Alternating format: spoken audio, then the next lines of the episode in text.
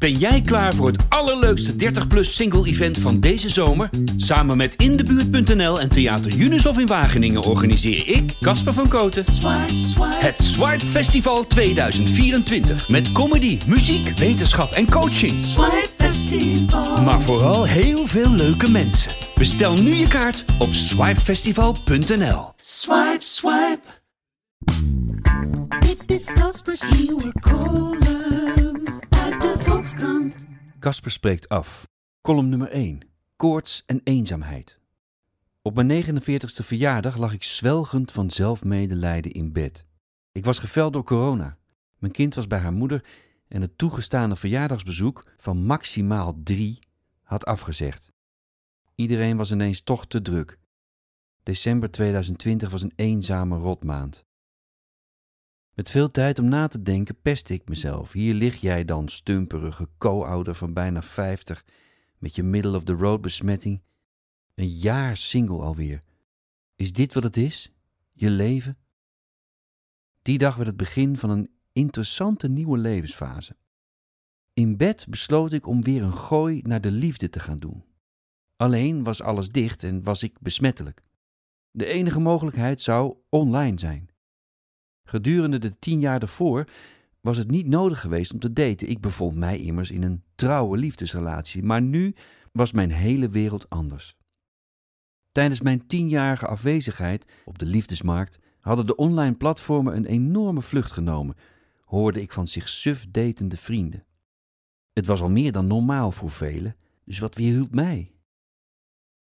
Het zal die combinatie van koorts en eenzaamheid geweest zijn die mij de impuls gaf om voor de vierde keer in mijn leven voor scheepsrecht in de liefde te gaan.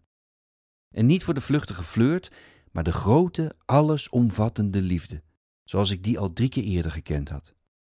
De hunkering naar dat unieke gevoel steeg met elke tiende graad op mijn thermometer. Ware verliefdheid is toch al zalige koorts, raaskalde ik tegen mezelf. Het ligt online voor het grijpen, man. Waar wacht je nog op? Wat mijn tintelende zin om nieuwe mensen te ontmoeten extra aanwakkerde, was dat ik ook al maanden mijn vak als cabaretier niet meer normaal kon uitoefenen. Mijn werk bestaat naast schrijven vooral uit reizen naar een plek waar mensen samenkomen om zich door mij de mooiste avond van de week te laten bezorgen. De sluiting van de podia maakte mij de eenzaamste man die ik ooit was geweest.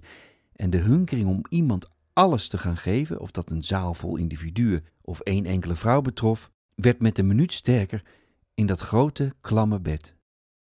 Vreemd genoeg had ik er rotsvast vertrouwen in dat ergens nog een echte liefde voor mij rondliep. Dus ik pakte mijn smartphone en maakte een profiel op Inner Circle, waarvan de naam mij nogal corporaal voorkwam. Dit platform kreeg ik aanbevolen door een vriendin als iets minder plat dan het wat meer op de korte avontuurtjes gerichte Tinder, waar vooral twintigers op huishouden. Ik nam direct een betaald abonnement, want op de een of andere manier ben ik daar zeer vatbaar voor. Het extra gevoel van vertrouwen dat ik als lid serieus genomen word. Daarbij kon je zonder abonnement niet bij belangrijke functies. En ik wil altijd en overal bij alle belangrijke functies kunnen, zeker als het om de liefde gaat. Tien minuten later lag ik mezelf te keuren voor online publicatie. Deze foto is mooi, maar dat is ook een beetje ijdel. Toch ben ik het echt en is hij recent. Ik hoef me toch nergens voor te schamen. Oeps, oepsie, hij staat er al op. Um, Oké, eh, mijn leeftijd, correct. Wil ik dat ze die zien? Kan die aan of uit? Waar, zit die knop? Sta ik nog wel op onzichtbaar eigenlijk? Oh, nog met hobby smokkelen? Dat ik wel van festivals hou of zo? Ah, fijn, alleen voornamen. Zal ik Cas of Casper doen? Of Peter? Als ze me herkennen, maakt dat uit? Ben ik niet te vertrouwen omdat ik soms acteer voor mijn werk? Nee, nee, wat ze zien is wat ze krijgen. Ik wil volledig eerlijk zijn en vooral eerlijk krijgen. Ineens brak er iets in mij. Het werd zo beangstigend duidelijk wat ik aan het doen was, publiekelijk op zoek naar een partner. Voor de besluiteloze levensgenieter die ik ben, zou het ook heel ingewikkeld kunnen gaan uitpakken, die enorme keuze aan liefdespartners. Had ik hier wel tijd voor? Ik kreeg een zweetaanval, een hoestbui en een flauwte. Ik kon beter even gaan liggen, maar ik lag al. Vier paracetamol en vier uur later werd ik wakker en deed een nieuwe, frisse poging om mezelf te keuren als datemateriaal. Ja, dit was. Oké. Casper, 49. Performer. Punt. Vader. Punt. Kan niet, bestaat niet. Punt. Hier moest men het maar mee doen. En ik ook. Natuurlijk waren er zenuwen, maar tegelijk het sensationele gevoel van een vrije val in een nieuwe wereld. Klik, daar ging ik. De markt op vanuit bed. Gefeliciteerd, je profiel is zichtbaar. En zo werd mijn 49ste verjaardag mijn online dategeboorte.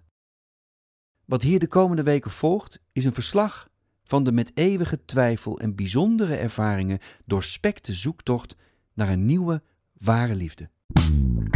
Dit was Casper Sleek. Afvraag tot volgende week. Een date verstandig.